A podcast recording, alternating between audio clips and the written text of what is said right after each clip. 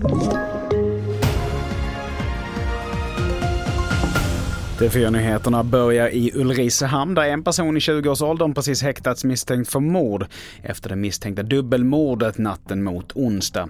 Totalt så har fem unga personer suttit anhållna varav tre av dem begärdes häktade. Den här eh, 21-åriga mannen som nu då är häktad misstänkt för mord eh, hade någon typ av narkotikaförsäljning som inkräktade, ansåg ett gäng andra. Minst två personer klättrar upp då på den här mordmisstänkte mannens balkong, slår sönder fönster. 21-åringen beväpnar sig med kniv och eh, hugger ihjäl de här två personerna här inne enligt åklagaren. Och reporter här ifrån Borås var Victoria Banosic.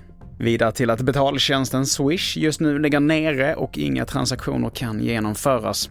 Enligt företagets hemsida så jobbar man på problemet men har i nuläget ingen prognos på när det kan vara löst. Och till sist, en ny studie som universitetet i Aberdeen gjort visar på att om man äter en stor frukost så har man lättare att gå ner i vikt. Studien visar att man inte bränner fler kalorier, men man kan lättare kontrollera aptiten under dagen och på så sätt äta mindre mängder.